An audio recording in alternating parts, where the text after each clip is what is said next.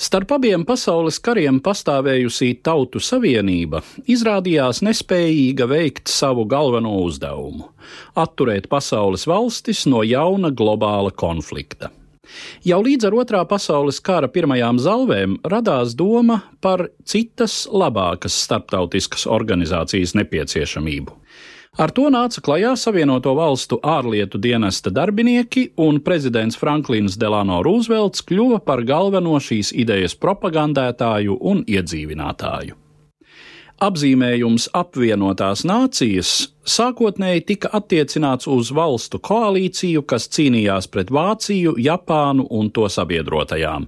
Un pasaules kara izskaņā, gluži vai pašsaprotami, šis vārds tika dots organizācijai, kurai bija jānodrošina šai karā izcīnītā jaunā pasaules kārtība. 1945. gada aprīlī 50 valstu un vairāku nevalstisku organizāciju pārstāvji uzsāka darbu pie apvienoto nāciju organizācijas hartas izstrādes. Un šis darbs vainagojās ar organizācijas izveidi tā paša gada oktobrī.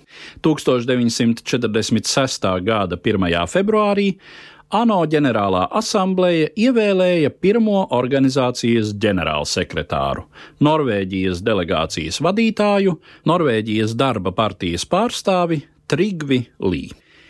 Vācijas uzbrukumu Norvēģijai 1940. gada pavasarī ilggadējais norvēģu arotbiedrību darbinieks Trigve Lī sagaidīja kā apgādes ministrs Norvēģijas darba partijas valdībā.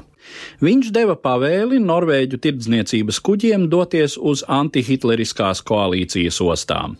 1941. gadā Trigve Lī kļuva par Norvēģijas trimdas valdības ārlietu ministru, šajā kvalitātē vadīja Norvēģu delegāciju apvienotajās nācijās un izrādījās piemērotākais kandidāts organizācijas pirmā vadītāja amatam.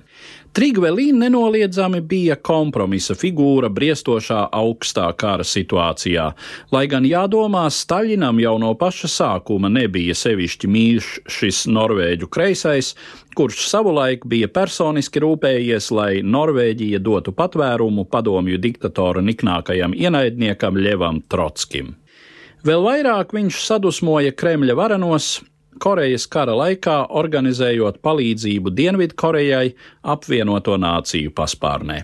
Iespējams, tieši tas, ka amerikāņi un viņu sabiedrotie Korejas karā oficiāli cīnījās zem apvienoto nāciju karoga, atturēja Padomju Savienību no tiešas iesaistīšanās šai konfliktā, kas tad diezgan neizbēgami pāraugtu Trešajā pasaules karā.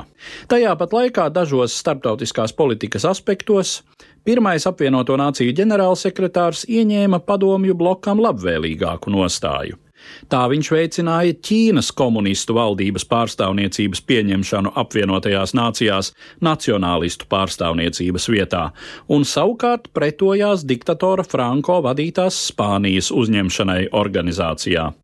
Tomēr Koreju Kremlis Trigvem Lī nebija gatavs piedot, un 1950. gadā, beidzoties viņa pirmajam pilnvaru termiņam, kategoriski pieprasīja cita kandidāta ievēlēšanu. Savienotās valstis tikpat kategoriski uzstāja, lai Norvēģis paliktu amatā.